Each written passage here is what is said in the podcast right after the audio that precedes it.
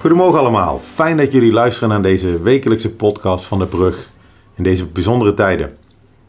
Afgelopen week was op het nieuws dat we allemaal een beetje coronamoe aan het worden zijn. Het thuiswerken, het afstand houden, de bijzondere maatregelen als we in de winkel zijn of een rondje buiten lopen, beginnen hun tol te eisen. Omdat we als mensen hier eigenlijk niet voor gemaakt zijn.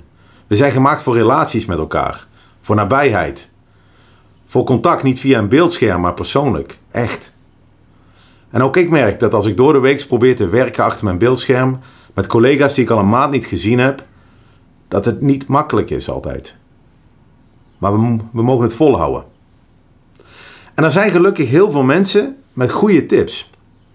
André Kuipers, de, de astronaut, die weet hoe het is om een lange tijd opgesloten te zijn in een klein gezelschap. Zet tips op internet. Blijf fit. Doe dingen voor elkaar.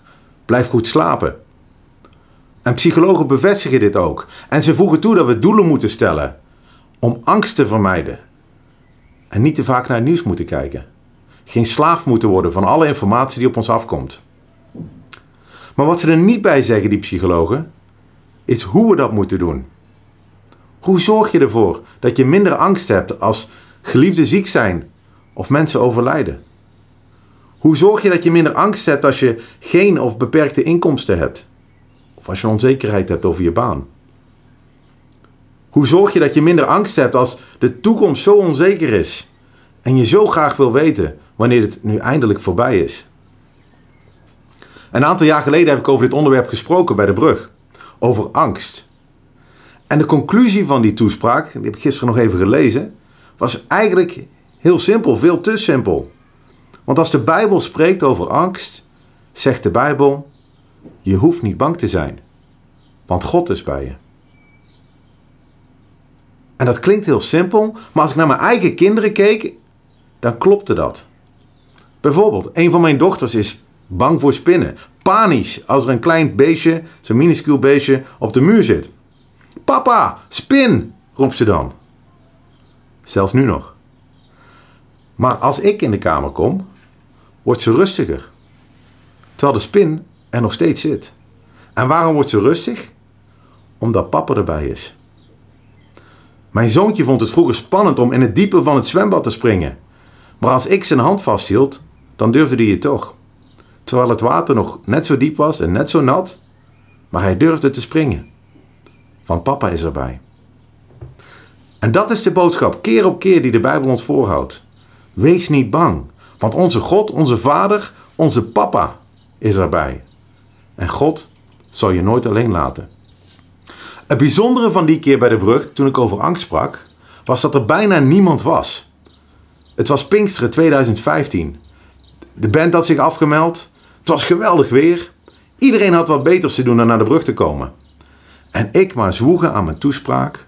Gefrustreerd richting God dat ik geen weekend vrij had. Dat ik niet lekker in het zonnetje kon zitten. En waarvoor deed ik het? Er kwam toch niemand luisteren. Maar ik had moeten weten. Ik had het moeten weten. Papa was erbij. Er was geen band dat weekend, dus ik had wat YouTube-filmpjes gekozen om naar te luisteren. Eén liedje, wat ik zo meteen ook zal afspelen, was het lied Stil, mijn ziel wees stil en wees niet bang. Opgenomen op YouTube door vijf kinderen van een gezin die afscheid moesten nemen van hun papa. Hun papa die ziek was. Dat verhaal raakte mij enorm en ik had aan degene die de podcast op de website zette van, van de toespraak die ik hield, gevraagd om dat lied mee in de podcast te zetten. Een week later kreeg ik een berichtje. Uit Noord-Holland. Meer dan 100 kilometer waar, van waar ik op het podium had gestaan voor een groepje van nog geen 20 mensen. Een weduwe had mijn toespraak beluisterd via de website. Iemand had het doorgestuurd naar haar. En ze vond het een fijne toespraak, omdat ze worstelde met angst sinds haar man overleden was. En ze was dan ook enorm verrast dat ze na de toespraak een lied hoorde. Een lied waarin haar eigen vijf kinderen zongen. Papa was erbij. God was veel meer van plan met die dienst die ik al had afgeschreven dan ik had durven dromen. In zijn brief aan de gemeente in Efeze in Turkije, de gemeente die hij daar zelf gestart had, schrijft Paulus dat God bij machten is te doen ver boven alles wat we bidden of denken. Niet alleen dat God bij macht is om te doen wat we durven te bidden of durven te denken. Niet alleen dat hij zelfs meer kan doen, maar dat hij bij macht is om te doen ver boven alles wat we bidden of denken. Hij heeft een plan. En hij belooft dat hij bij ons is. Niet dat hij ons spaart van moeilijkheden, dat hij ons spaart van teleurstellingen, dat hij ons spaart van ziektes of van corona, maar dat hij met ons meegaat. Dwars door de moeilijke tijden. Ook dit lied spreekt hierover. De onzekerheid van morgen, maar God is erbij. Dwars door het dal zal Hij ons leiden. En zelfs de zwartste nacht verdwijnt wanneer Zijn licht doorbreekt, want Papa is erbij. God, U bent mijn God. En dat is ook mijn gebed vanochtend voor jou en voor mezelf, dat we ons vertrouwen, onze zekerheid en onze rust vinden bij God. Juist in deze periode. Want Papa is bij ons en Hij is bij machten om te doen ver boven alles wat wij kunnen bidden of denken. Stil, mijn ziel wees stil en wees niet bang voor de onzekerheid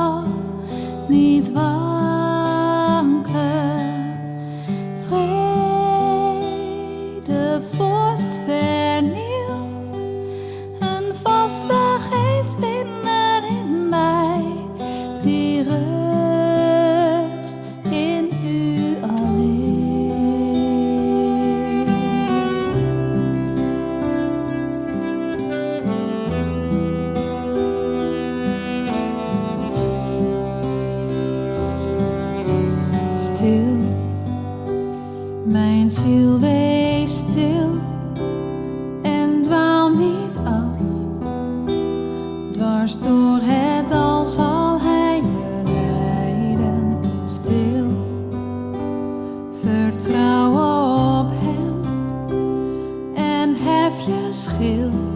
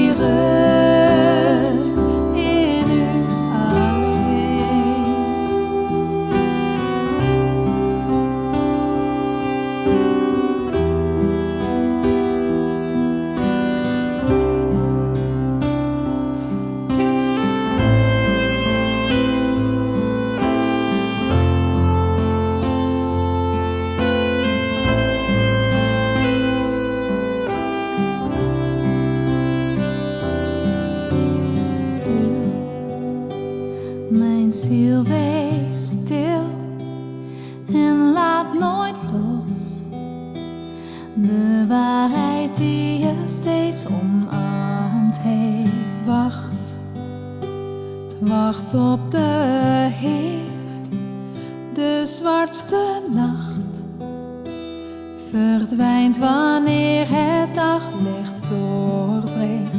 God, u bent mijn God.